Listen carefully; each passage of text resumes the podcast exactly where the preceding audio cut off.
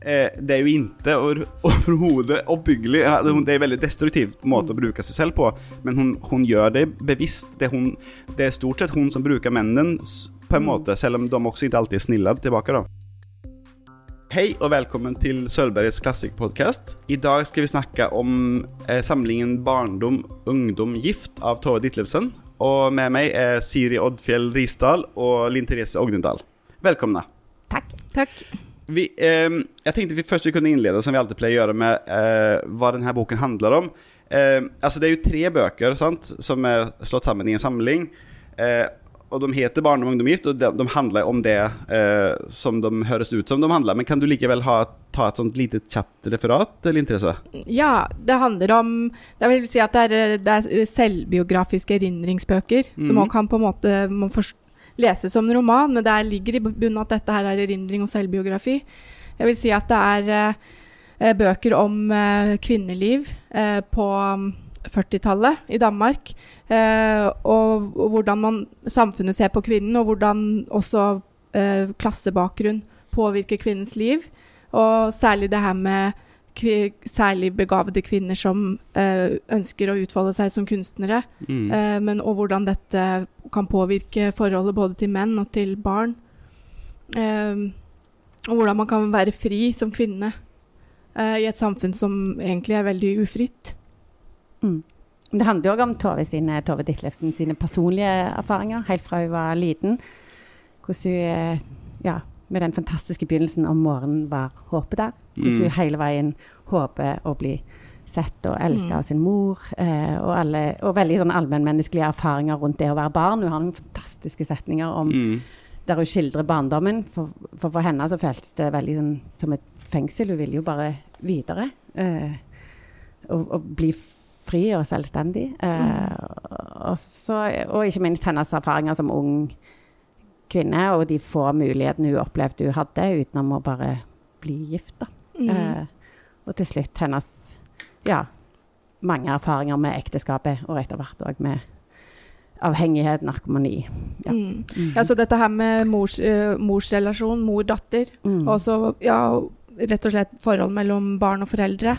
uh, det er veldig viktig i disse bøkene, og hvordan Mm. barndommen påvirker hele voksenlivet. Ja. Uh, sånn at Og det jeg vil jo si at det er veldig tidløst, mye av det som står her, og det er relevant også i dag. Men det kommer vi Mm. kanskje inn på litt seinere. Ja, Mm. jeg tenkte bare altså, sånn, eh, Hvor framstår hun egentlig? Altså, sånn, hun, hun skriver jo om seg selv, Mm. eh, og det er jo hun som eier historien her. Og når hun skriver den Hun skrev det jo liksom 30-40 år, eller 20-30-40 år etter det skjedde. Eh, eh, som de som eh, hun snakker om, kan jo ikke forsvare seg. Men hun sparer jo ikke heller seg selv. Hun er jo veldig ærlig eh, med hva hun selv har gjort og ikke gjort eh, mot sine barn og med, i sitt eget liv. da Eh, og samtidig at hun er på en måte veldig Hun er veldig sikker og usikker samtidig. Hun tør å ta plass, eh, men hun er også veldig usikker og føler seg alltid underlegen. Men eh, hva- hur føler ni liksom, Hvordan framstår hun eh, i boken? Der skjer jo en utvikling, tenker jeg. For jeg Mhm. opplever henne ikke som selvsikker før mot Eller selvsikker, men jeg opplever henne ikke som trygg på hvem hun er før mot slutten i den siste boken. Barn, I 'Barndommen og ungdommen' så er hun veldig søkende, og hun har jo denne enormt sterke dikterdrømmen Ja. som er drivende for alt du gjør. Og det, sånn sett kan du òg si at disse tre romanene handler om drømme, ønsket om å skrive. Ja. Og, og, behovet for et eget rom til å kunne skrive, og hvor vanskelig det var når man vokser opp i et arbeiderklassemiljø som kvinne. Ja. Um, så jeg opplever at du, at du ikke har At du så gode tanker om seg selv, da, og ser på seg selv som Uh, Og at du opplever seg veldig sånn fremmedgjort i verden. Jeg, hun skriver et sted uh, uh, Ja. Jeg føler at jeg er en utlending i denne verden, og det er ingen jeg kan snakke med om de overmektige problemene som tanken på framtiden fyller meg med. ja. Og Det føler jeg var veldig sånn tonen i barndom. At, at hun står utenfor og betrakter de andre. Hun føler at hun føler seg annerledes enn de andre jentene i bygården der hun vokste opp. Eh, Altså det, det, for jeg mente at hun, hun er veldig, veldig sikker på og vet at hun skal bli dikter. Og hennes pappa sier til henne at ingen kvinne kan bli, dikter. Liksom. Det Mm. går ikke. Men hun, er, hun, er liksom, hun har den tingen. Det, det, det kommer jeg å bli. Jeg skal bli det. Liksom. Og også at hun vet at hun er mye smartere enn alle andre, men hun spiller dum og går rundt med åpen munn for at de andre ikke skal tro at hun tenker. Eh, så, eh, hun har en, en noe slags eh, styrke i seg selv alltid, som hun sen klarer å utvikle, da. Men at hun har eh, det er veldig underleggende Altså sånn kompleks, sant, for hva hun kommer fra, på en måte. Det har komplekser. Også det her med Hun har en storebror som heter Edvin. Og han sier Edvin sier jeg kommer til å få mye juling på skolen fordi jeg er så rar. Jeg er rar fordi jeg leser bøker som far, og fordi jeg ikke forstår meg på å leke.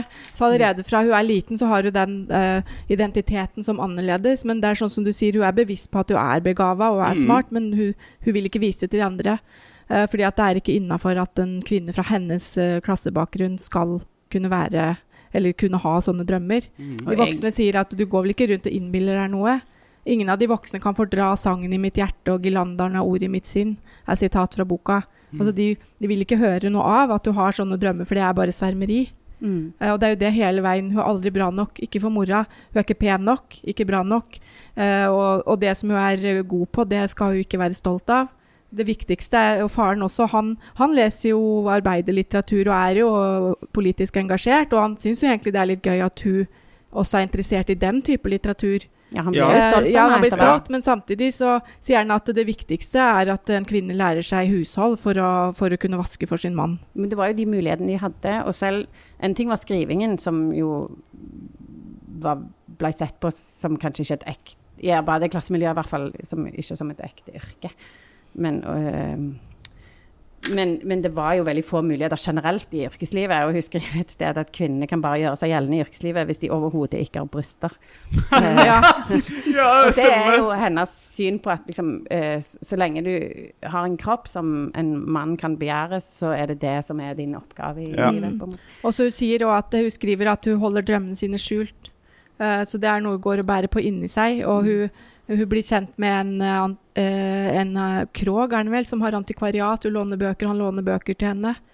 Som hun har en del sånne uh, fine passasjer i boka om hvordan hun liksom eh, forsvinner inn i bøkenes verden. Og har det bra, da, likevel. Ja, Eh, hon, Ja. Men det, det med eget rom er jo sånn tydelig Det, det lengter hun etter i hele barndommen også, at hun Mm. får liksom Til slutt får hun eget rom da og sånn.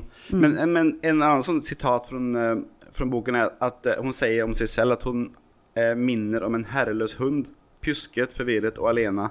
Men samtidig så manøvrerer hun seg jo gjennom livet bevisst, og hun eh, hun har en type da som spør Kan vi ikke overnatte på hotell og så kan vi liksom ha sex for første gangen. Og så tenker hun nei, men jeg trenger ikke ham lenger nå, for nå kjenner jeg en forleggere. Mm.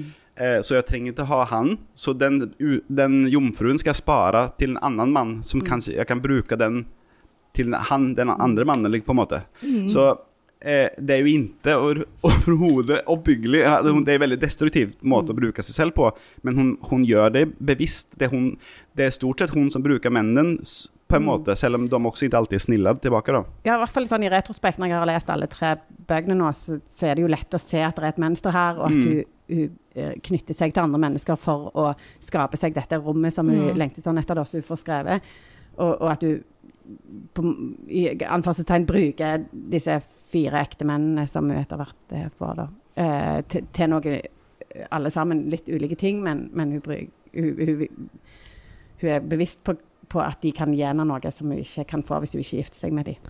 Og så det men, sånn men jeg skulle bare si at det er jo en utvikling der òg, fordi hun, hun drømmer jo fra hun var liten bare om å skrive, men så etter hvert i ungdom særlig, så er det flere steder uh, at det kommer fram at hun òg lengter veldig etter et sånn mer A4-familieliv. Hun skriver eh, Ja, det står et sted at hun Ja. drømmer om mann og barn. Jeg Mm. lengter etter hjem og mann og barn som andre unge piker. Rett Mm. ut står det i Og det tror jeg er gift til eh, Altså helt eh, når hun er voksen, da. Men eh, Og hun blir jo også gift flere ganger, men, men det har i hvert fall skjedd en utvikling fra hun var liten der, der det var, virket helt fjernt og ikke klarte å henge med når de andre jentene snakket om sånne ungpikedrømmer. Så, eh, og så blir hun jo gift flere ganger, men så finner hun jo ikke da roen i dette familielivet og søker seg hele veien. ja, hun saboterer jo litt for Hun- seg selv. Ja, hun, hun søker jo etter en unnflukt. Mm. For han, mannen Eb, Ebbe, så, han sier sånn eh, Ja, Hvorfor ja, men, nummer to, ja. Mm. Eh, hvorfor vil du så gjerne være alminnelig og normal? Det er jo en kjensgjerning at du ikke er det. Mm. Og det kan jeg, kan jeg ikke svare ham på, men jeg har ønsket det så langt tilbake jeg kan huske. Mm. Eh, og han første mannen sier eh, at han har veldig lyst til å treffe hennes foreldre, fordi han vil se de menneskene som har frambragt et så besynderlig menneske. Mm. Så det er ingen som helt får tag på henne heller, sant? For eh, de, de, eh, de klarer ikke å kontrollere henne heller. Og, ehm, hun er et interessant menneske som er fascinerende for dem rundt henne.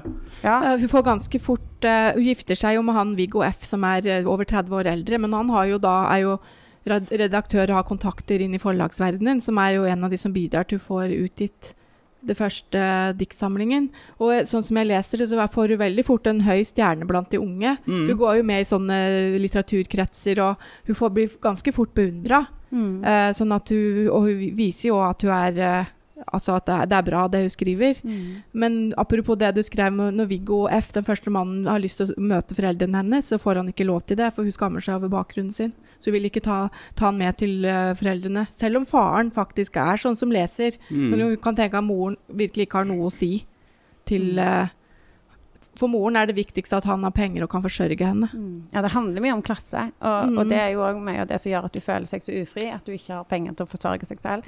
Ehm, og, og, og jeg tenker at hvis, hvis vi løfter blikket litt sånn utover bare denne boken, da, sant, så var det jo eh, mye ekstrem fattigdom, og så var det vanskelig for de som da levde i det øvre sjiktet, som var veldig langt fra arbeiderklassen, å sette seg inn i de erfaringene. Så, så det at hun skildrer de erfaringene eh, i et så Uh, Ja, på en så engasjerende måte, er jo veldig uh, Selv om dette vakte uh, ja, jo, hun, provoserte vel en del i sin samtid, men men jeg tenker òg at hun satte ord på en, en erfaringene til en ganske stor del av samfunnet. Da. Eh, og jeg tror, eh, jeg tror det at du på en måte i ettertid har blitt stående som en veldig sånn, viktig feminist, har, har, det har med ulike ting å gjøre, men, men, men to viktige ting hun tar opp, er denne med mangelen på penger, men òg mangelen på tilgang til kunnskap. Da.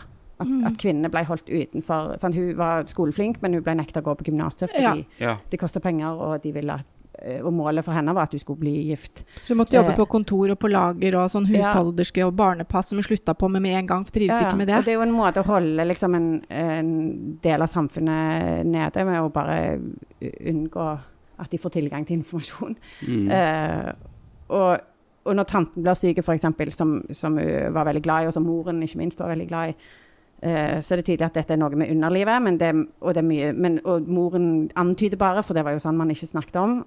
Og, og da er det mye Tove ikke forstår, og da skriver hun eh, det var åpenbart huller i søppelkrokens seksualopplysning, for det var der hun hadde fått informasjonen. Det var på en måte nede i ja, bakgården ja. Mm. der venninnene sto og tiska og hviska om, Mm. om dette.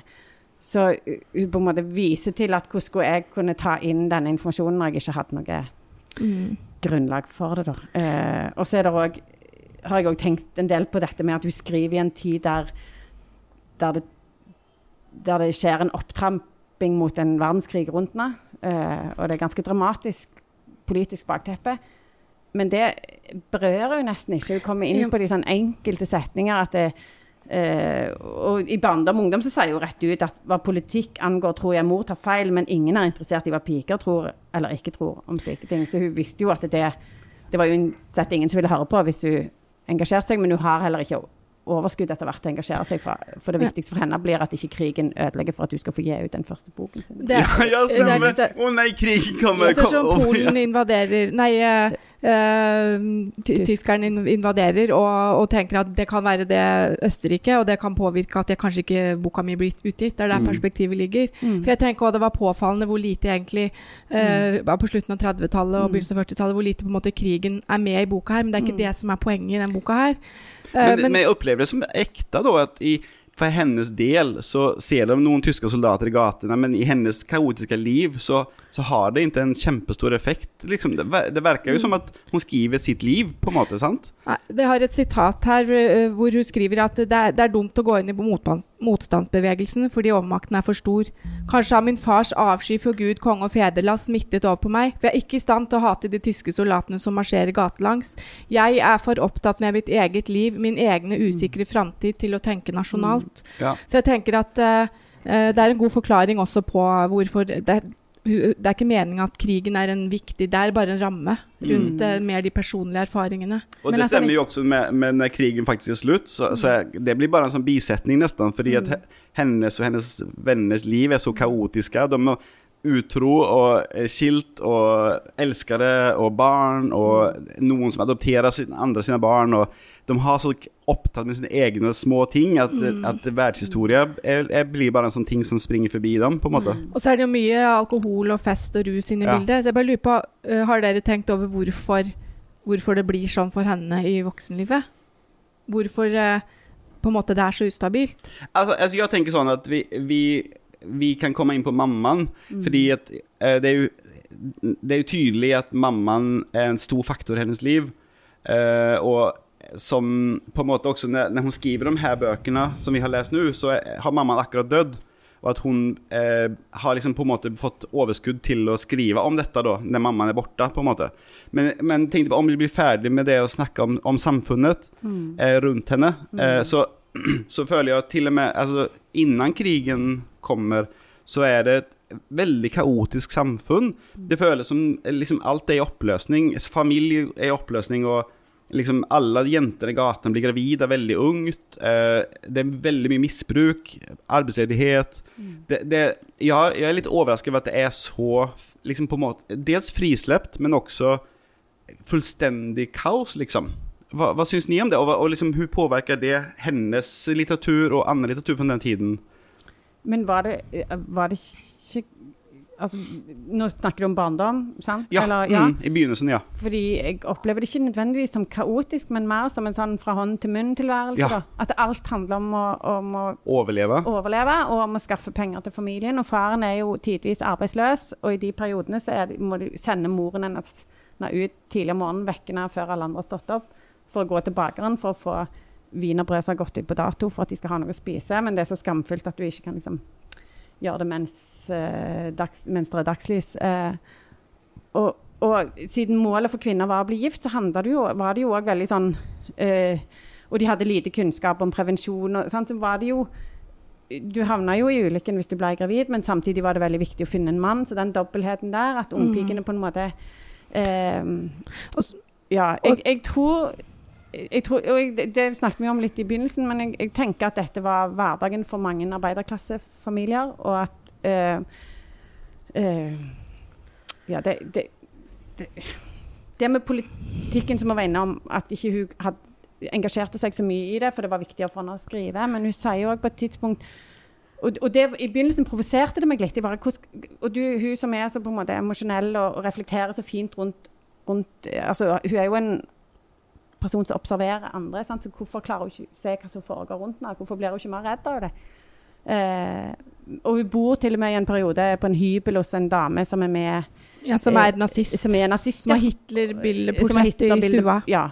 Og, og hun syns jo at hun er litt skremmende, men samtidig så, så er det Nå har hun endelig fått sitt eget rom, så det på en måte bare må hun tåle. Men hun takker nei til å bli med på de møtene. De Jo da, det gjør hun. møtene. Og til slutt flytter hun jo. Men når hun da senere forteller om dette til han Viggo Møller, da, han første mannen hennes, eh, så, så klarer ikke han forstå hvordan hun kunne holde ut å bo et sånt sted. Og så tenker hun for seg selv han har aldri erfart virkelig fattigdom. Mm. Men det er Og, da, og den traff meg, for da tenkte jeg ok, det er jo derfor jeg ikke på en måte klarer henge med i, i hennes prioriteringer, fordi at vi har vokst opp i en privilegert tid der vi ikke har vært nødt til å gå på akkord med våre egne verdier da, Mm. for, å, for å få en plass å bo. det var billig å bo der. Var, ja. Ja, men hun prøver jo å engasjere seg litt. Eh, Hun, på den ene jobben hun har, så snakker hun mer som fagforeningssnakk, og da fører jo til at hus, hu, nazistiske huseieren får nyss om det her, så hun blir jo faktisk kasta Mm. ut.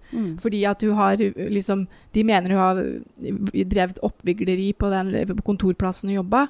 Og så et, en annen jobb hun hadde, jeg husker ikke akkurat hvilken det var, var vel på et lager, så mister hun jobben når hun gir ut diktsamlingen. Mm. Fordi at det, det er jo heller ikke bra at hun gir ut en Ja, diktsamling. det, En kvinne gir ut diktsamling. det handler om at hun, at hun er blitt gravid. Altså, et dikt handler om at hun har fått eh, Det var når hun får et, dykk, eh, et dikt på trykk, sant? Mm. Og at det handler om at hun mistet et barn. Og det, det, er, jo ikke, det er jo ikke sant. at hun hadde ikke gjort det, men, men at det var upassende liksom, at hun skrev Mm. om det. Apropos det, så er det jo det her med kvinneliv og erfaringer, og så snakk, eller skrevet sånn Jeg tror nok mange i samtida, på, når dette ble skrevet, gitt ut på 60- og 70-tallet, så var det jo eh, ikke Det er jo rått og ærlig skrevet f.eks. om to illegale aborter. Mm -hmm. uh, og det er jo i verden i dag fremdeles ganske relevant. Mm. Eller ikke bare ganske, men er veldig relevant. Du Mm. skriver jo detaljert om kvinnelige kroppserfaringer, Mm. som sikkert før aldri har blitt beskrevet på samme måte. Um, I hvert fall ikke i så stor grad. Mm. Og i hvert fall ikke i et sånt et språk. Og det er det Nei. som gjør det, det, dette til en så sterk Du leseopplevelse for meg. At, at du setter ord på veldig sånn hverdagslige, kroppslige kvinneerfaringer. Eh, men i et språk som løfter det fram og sidestiller det med like viktig som, som Den klassiske arbeiderlitteraturen har jo skildra livet på fabrikken. Eh, og, og Olga Ravn, den danske forfatteren eh, Jeg leste en artikkel som hun har skrevet om Tove Ditlevsen sine dikter. Og hun argumenterer veldig for at Tove Ditlevsen er òg en arbeiderdikter. Eh, Mhm. selv om hun skriver om, om de nære tingene, da, og ikke om fabrikklivet. Fordi det er òg et arbeid å, å eh, stelle hus og hjem og produsere barn som kan bli arbeidere på fabrikken. Mm. Og holde de rene og Ja. friske. sant?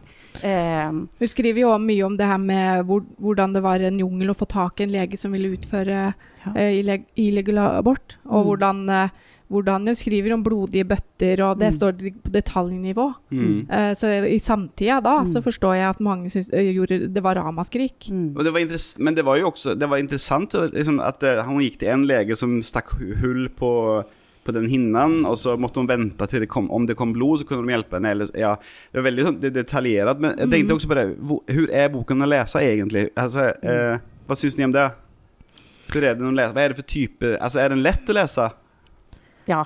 Jeg syns den er lettlest Ja. språk, men uh, det er jo noen gammelmodige ord og vendinger. Men det er på måte overhodet ikke gammeldags. Men det, det, det føles veldig flytende. modernt. Det føles jeg. veldig moderne. Eh, jeg tenker at det, det er lett tilgjengelig og lite sånne ord som gjør at jeg eh, ramler helt av. Mm. Mm. Det, enkelte ord er det jo, men det er jo nesten litt gøy. Visste dere at uh, filippenser betyr kviser? Det, det var, jeg, Det er noen sånne jeg var ord. nødt til å google Ja, det, for ja. det var, jeg skjønte jo Jeg antok jo at det var det det betydde, men det var da en av en kompis av broren hennes som, som var litt interessert da, i, i, i barndomsårene.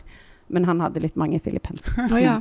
Stakkar fyr. Eh, og, så, og så ble jeg minnet på det der fine, gamle ordet traktement. Eh, ja, Pleier Men- du å få traktement når du kommer på besøk til folk? Det, oh, ja, altså. men- Det er noen sånne så det er jo på en måte litt sånn fint og verdifullt at, ikke, at, at, vi, at vi holder liv i, Ja. i, i Mm. språket. Men bortsett fra de to ordene da, som jeg jo noterte, så er det, er det ganske Selv om hun er ganske tradisjonalist i, i form, altså hun skriver dikt på rim og, og, og ganske sånn rett fram i sine skildringer av virkeligheten, men, men eh, ja, men så er hun allikevel ganske sånn moderne i det at du at du ikke legger fingrene imellom, da, at du ikke pynter på ting og, og sånn romantiserer virkeligheten. Det er lett Eh, tilgjengelig, sant? Mm. Mm. Så, så, men når du spør om hvordan det var å lese det For jeg, eh, når jeg skulle låne disse bøkene, da, og, eh, så var alt utlånt. Det er jo kult at du fortsatt på en måte blir lest. Ja. Og, eh, sånn. Men så fant jeg nede i magasinet en utgave fra 1972, 50 år gammel bok,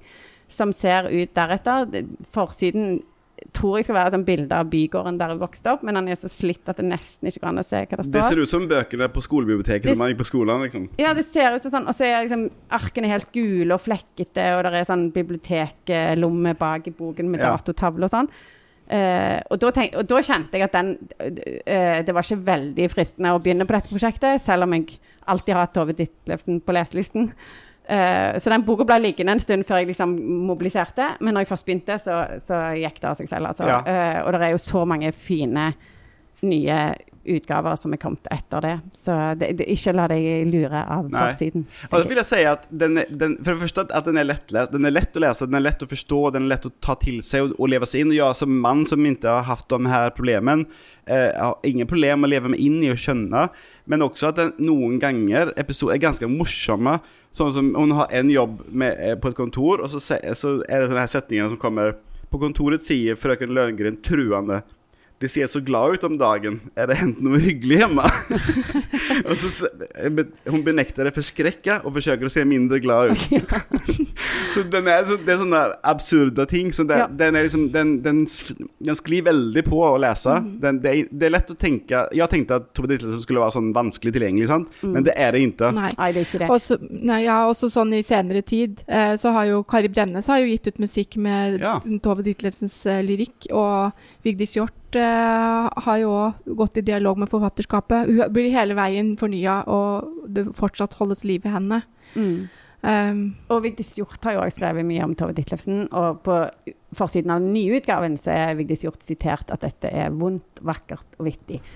Og så tenk, Um. men jeg strevde litt med den vittig-biten en stund. Syns at det var veldig fint språk. Jeg syns det var vondt, men jeg syns det var mer sånn varmt enn vittig. Det var ikke sånn at, jeg, at, at du Jeg tror i hvert fall ikke med overlegg at du prøver å være løyen. Men det er jo det at hun, situasjoner blir komiske fordi hun er så treffende i sine beskrivelser og i Ja. sine observasjoner av andre mennesker. Uh, så jeg skjønner jo hva, hva Hjort mener, men jeg syns det mangler en, et ord på V der, og det er varmt. For hun skriver veldig den, levende om disse folkene, og jeg kjenner på at jeg tror de kommer til å bli sittende i meg lenge, da. Jeg mm. føler, eh, og, og du, ja, uh, og, og dette er jo ikke en roman, det er jo erindringsbøker. så jeg visste jo at dette var virkelige mennesker hun beskrev. Så jeg, og, og hele tiden måtte jeg liksom stoppe opp og google enten hvem disse var, eller Ja, at jeg kjente igjen navnet, Pietein f.eks., mm. og, og, lurt, og, og plutselig måtte jeg ble nysgjerrig på Å ja, men levde de samtidig, og hadde de et forhold, og det var spennende. Så, eh, så det, det var mye sånn oppfriskning av gammel litteraturhistorie. Og, Mm. eh, Al altså En annen sånn ting som, er, som jeg har sett i kanskje ja, som var gøy, da. Mm. Vittig-kategorien er sånn at hun skriver en bok om eh, Og så er hennes mann med Eller hennes mann er ikke med, men hun skriver om en figur som eh, løser ligninger for å slappe av. Og så blir hennes mann så sur på grunn av det at han er utro. Og så spør hun kan du ikke levne meg, sier hun sånn Ja, kanskje om du endrer deg i den boken. Ja, at, eh, for hun har skrevet i boken om en mann som ikke er hennes mann, Ja. men, for det var fortsatt når hun skrev romanen. ja, at folk skulle men liksom som har eh, trekk fra han, ja. Ja, Mm. og da blir han så fornærma av det. Ja. Og det, måten det er skrevet på, gjør at det blir litt komisk, på en blir måte. Og at han har så liten Ja, ja. ego og tiss at han liksom Yes. blir usikker av det. Og hun lover jo òg at ja da, hun, skal, hun skal gjøre om til at han legger kabal. Ja. Istedenfor Ja. at han løser ligninger da- som hobby. Men det er jo, det foregriper jo den debatten om virkelighetslitteratur som vi har i våre dager med Knausgård og Vigdis Hjorth og mange andre. Ja. Så det er jo et, et, I samtida, når det her ble utgitt, så var det jo ramaskrik og skandale, og hun ble sagt at hun var hensynsløs, og eh, hun skulle, hvorfor hun skulle eh, lage sånne forestillinger eh, om andre mennesker med, med de riktige navnene. Mm. Sånn at det er jo Men som kunstner ble jo anerkjent i Ja, eller i hvert fall ja, er det det ja, ja. hun- Og jeg tror nok det var jo bare en del av kritikken. var jo veld, veldig mange, Hun var jo veldig, veldig lest. Men det du snakker om nå, er reaksjonene fra de personene som faktisk ble omtalt i bøkene. Ja, for de er jo det er jo akkurat det samme de som skjer i våre dager, eller når Knausgård ga ut Min kamp. Vi er Og Vigdis Hjorth. før, vi har gå, før det går for lang tid, så er vi nødt til å snakke om moren til henne. Ja. Sant? Ja. For hun er jo eh, en bauta i denne boken, Mm. og hun er, er veldig dest altså, ja, som, jeg, som jeg leser det i hvert fall, så er hun veldig destruktiv. Hun er destruktiv overfor sin mann, altså barnas pappa, og sine barn. Og eh, barna stikker hjemmefra så fort de, så tidlig de kan. De, 18-årsdagen så har de jobb og leilighet og ut, liksom. Mm. Så hun leser läser ni henne og, og hva, hva, tenker ni om hvilken innvirkning det har på, um, på hennes liv? Og hen, sånn som det du snakket om, Linn Therese, med misbruk og, og sånn. Ja, altså, sånn som jeg forstår det, det er jo veldig kaldt forhold mellom de, hvor hun aldri forstår det, og det står jo helt ekspl eksplisitt. Min mor Mor mangler totalt evnen til å sette seg inn i andres Mhm. tankegang. Mhm. Noe som gjør at hun aldri kommer meg nær inn på livet, og det passer meg utmerket. Ja, Og det skriver hun etter at den første skilsmissen med Viggo er. fordi i hennes gate, i hennes barndoms gate, så er det jo ingen som skiller seg. Mm. Det er kanskje veldig ulykkelige ekteskap, men de skiller seg ikke. Mm. Så det at hun skiller seg, blir jo et slags oppgjør med den morsfiguren. Mm. Uh, jeg føler at det er så manglende kjærlighet og empati. At du hele veien ikke er bra. Altså, moren er aldri fornøyd med henne, og hun har sånn, er lunefull og får raseriutbrudd ganske ofte, sånn at den lille Tove aldri veit hvor hun har henne. Mm. Mm. Så jeg Men føler at det er mangel på kjærlighet, en slags mangel på varme og nærhet som preger henne hele livet. Det er Du har, du har noen som tanker om det med innledningen, to, eh, Siri? Ja, fordi jeg tror kanskje det er den lunefullheten som, som skaper så mye problemer for Tove, og som eh, for, for den eh, hun, Det at hun skildres ganske kaldt, og det at hun gjør noen ting Hun slår jo Tove eh, ved enkelte anledninger, og hun sender ut tidlig om morgenen før andre har stått opp for å hente Altså eh, det er lite, og hun rørende aldri, blir det sagt. altså sånn Med kjære, kjær, kjærlige eh, berøringer. Eh, så, så den kaldheten der, den tror jeg kanskje er òg et bilde på tiden dette eh, foregår i. For jeg tror ikke det var uvanlig at, at det var mer distanse mellom foreldre og barn enn det er i dag, og at eh, den oppfatningen om at barn skulle ses, men ikke høres, var veldig gjeldende. Den var jo òg gjeldende for kvinner ganske lenge. Kvinner skulle ses, men ikke høres. Uh, uh, så jeg opplever òg at du beundrer moren sin, og, og syns hun er veldig pen i forhold til mm. andre mødre. Hun er jo en ung mor, uh, og hun er forfengelig og opptatt av hvordan hun ser ut. Og det der, den fantastiske åpningssetningen om morgenen var håpet der, det handler jo om håpet om at mora ikke skal oppdage at hun er til stede i rommet, sånn at, bare, at stemningen kan fortsette å være god. Eller mm i, forlengelsen av det, da håpet om, om, å bli akseptert og anerkjent og elska og sett av moren sin. Sant? Og det lengter man jo ikke etter hvis dette er en udelt liksom, ond og kald person.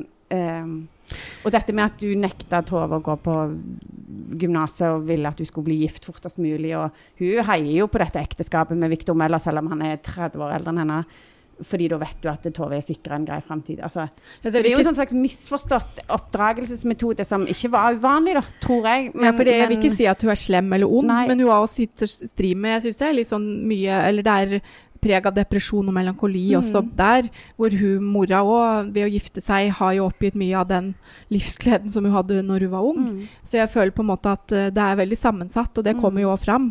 Og så var det lite kunnskap om, om hva den manglende nærheten i tidlige år gjør med et barn. Og, og, uh, og Tove kunne jo skrive seg fri, på en måte, men det mm. kunne ikke moren hennes. Så, så, det at hun følte seg fanga av ekteskapet og mista liksom sin ungdomsvår idet hun gifta seg og fikk barn, så ble kroppen ødelagt, eller i hvert fall i noen år. Altså, eh, de erfaringene snakker hun jo helt sånn usminka om til Tove, og så, og så kjenner Tove det som at da er det jeg som har ødelagt min mors liv. Ja. Men når hun selv blir gravid, så blir det jo og, og, får et barn, så skaper jo det en distanse mellom hun og ektemannen, fordi den kroppslige eh, det kroppslige arbeidet, det å få et barn, oppsluker alt. Liksom. Hun, er, hun, er, opptatt med å amme og har ikke overskudd til å ha sex med mannen sin. Uh, så når hun da blir gravid igjen, så vil hun ta abort, fordi at da vil hun ikke ødelegge mer forholdet mm. til mannen sin.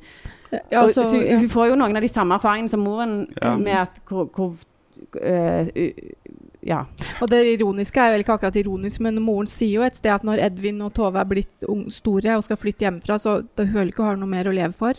Hun blir veldig Hun vil helst at, at Tove skal bo hjemme lengst mulig. Men det, også det, det med at hun, at hun Tove da, et, tar jo kontrollen på en annen måte enn moren, og hun bryr seg ikke om konvensjoner. Hun går fra eh, en mann til neste man og det er hun som velger, og hun tar det valget. Mm. Men, men, jeg tenkte på det du sa, Siri, med at, at det håpet er der fordi at hun håper at mamma skal ha en god dag, eller at mamma ikke skal se henne. Mm. Men når mamma vel ser henne, da for at hun gjør en min eller noe, mm. og så tar hun veldig det på seg selv. Mm. For da er morens dag og mm. hennes dag ødelagt, og det er mm. Tove sin skyld, syns hun selv. da. Og det er jo en sånn fantastisk skildring av hvordan barn oppfatter verden. Ja. Mm. Og så ser hun sånn, det, det står sånn Den der følelsen av å lete etter kjærlighet, og man savner det så mye at man tar imot det man kan få, det er jo liksom en oppskrift på misbruk av ja. sant, og, ja. og eh, usikkerhet. Ja, men det er klart at det var nok, selv om dette var en denne måten å oppdra barn på var vanligere, så var det jo sikkert forskjell på hvor, mm. på hvor mye kjærlighet og nærhet det var i et hjem. Og det er jo klart at med den lunefullheten så visste aldri Tove når moren plutselig ble sint igjen. Og da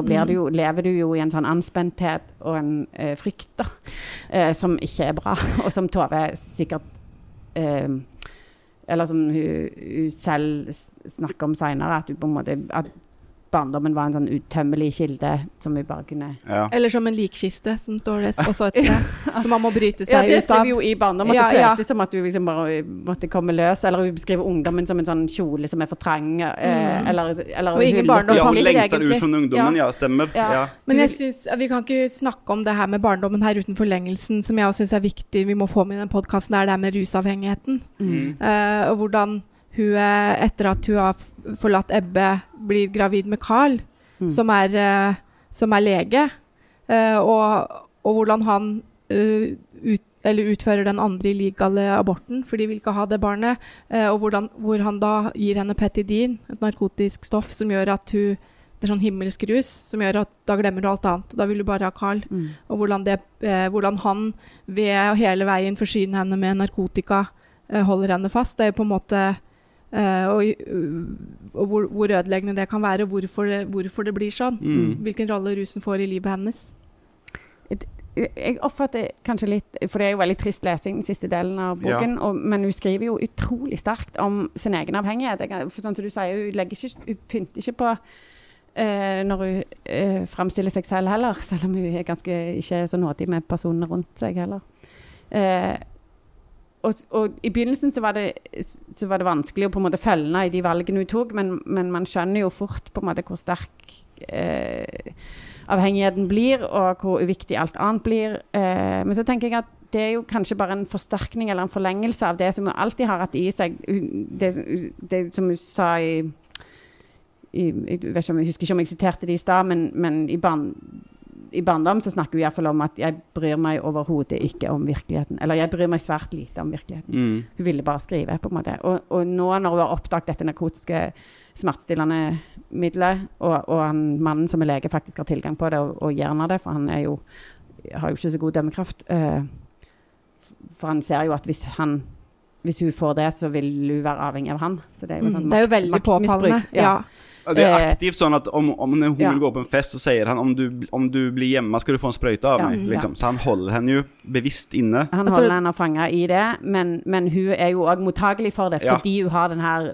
behovet for virkelighetsflukt som hun alltid har hatt i seg. Eh, og da Altså- blir, da blir til og med barn eh, likegyldige for henne. Liksom. Så jeg kjente nesten ikke bar disse barna, eh, og var ikke lenger en del av deres hverdag.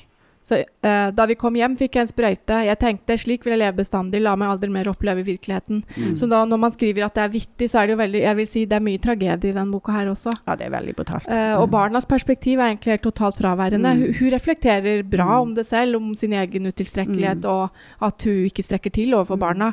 Men barna, det er, barnas perspektiv er ikke en del av det her. Eh, Altså- men vi som lesere kan se det. Men jeg syns også samtidig så, så er hun, hun Hun liksom forsvarer ikke seg selv. Hun, det er ikke selvømkende og liksom patetisk. Sant? Det, det blir veldig sånn eh, litt nøytralt skildra.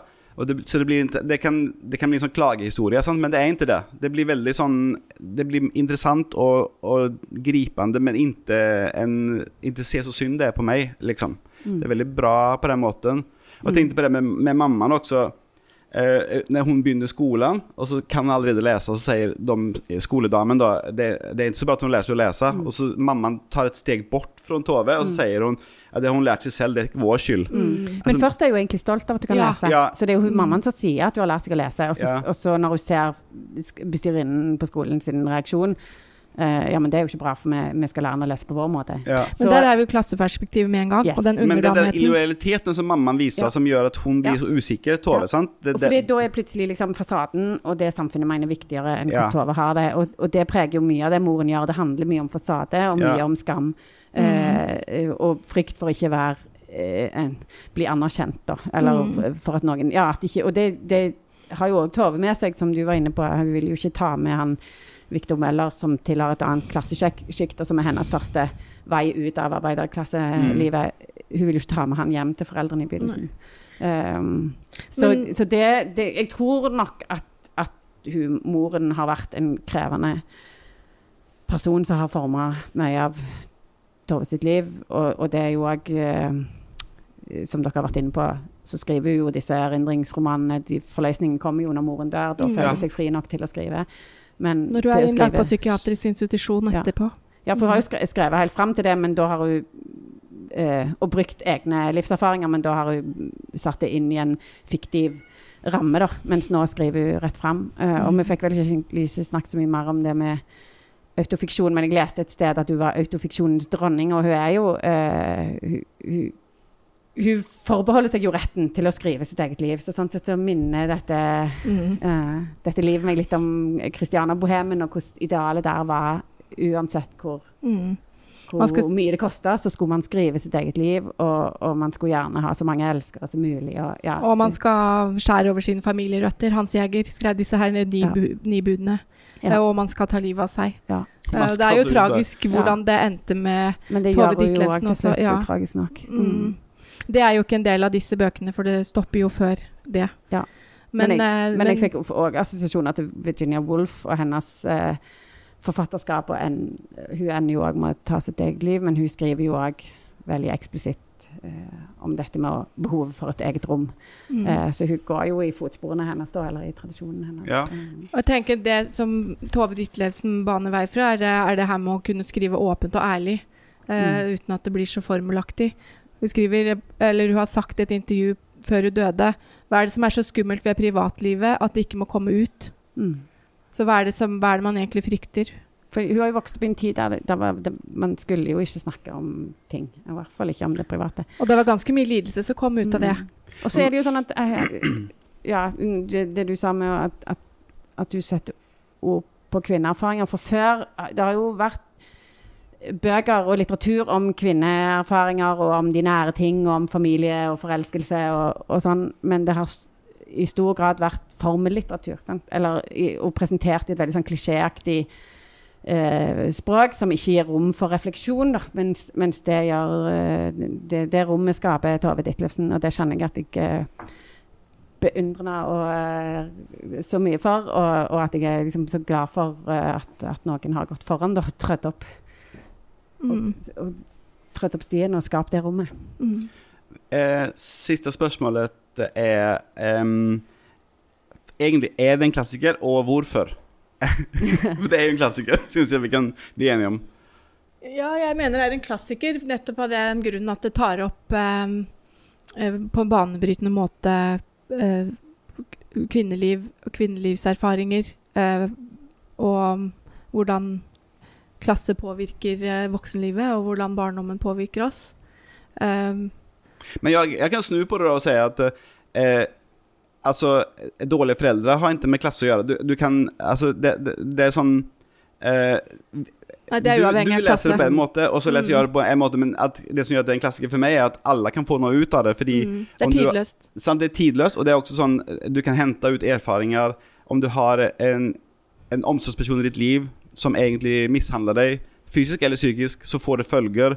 Og liksom Sånn som hun, mammans eh, Når hun kommer til, og forteller mamma at hun er gravid, og at hun, at hun skal føde barn, og sånn, så sier mammaen at ja, du og din bror blir født i et såpeboble så, fordi jeg forsøkte å ta bort begge to gangene med å drikke grønnsåpe. Mm. Det er klart at, at det får følge, liksom. Og det synes jeg Det, det er det som gjør at det er en klassiker for meg, da. Liksom. Ja, altså det her med, som hun skriver om morsrollen, og, og så spennet mellom å være kunstner eller mor eller begge deler, det er jo relevant også i dag. Det er jo i aller høyeste grad relevant. Den øh, danske forfatteren som du nevnte i stad, Olga Ravn, har jo nettopp gitt ut en roman som heter 'Mitt arbeide', som handler jo akkurat om det her med øh, Ja, også om, om barseldepresjon. Det er jo, kan også være en del av den boka her. Mm. Og hvordan man kan være mor, men samtidig være kunstner. Eh, Mm. Det er veldig mange aktuelle problemstillinger i den boka her som Ja. ikke har gått ut på dato. Mm. Og det her med og kvinnens rett til å bestemme over egen kropp og eget liv. Ja, og synet på kunst. Eh, Jeg tror det ble sagt et sted i, i Gift. Jeg tror det er en eh, ektemann nummer to, Ebbe, som sier det i den, når han er så provosert av at du eh, har skapt en romankarakter som ligner litt på han. da. Så sier hun at ja, men du, du etteraper jo bare virkeligheten. Dette har ingenting med kunst å gjøre. Eh, men hun viser at autofiksjonen har noe med kunst å gjøre. Mm. Eh, og hun gjør det på ypperlig vis. Og derfor er det en klassiker for meg. Mm. Mm. Vi er enige, det er en klassiker. Ja, Yes. Mm. absolutt. Tusen takk begge to for at de kom. Det var veldig hyggelig. Det var kjempekjekt. Mm. Takk.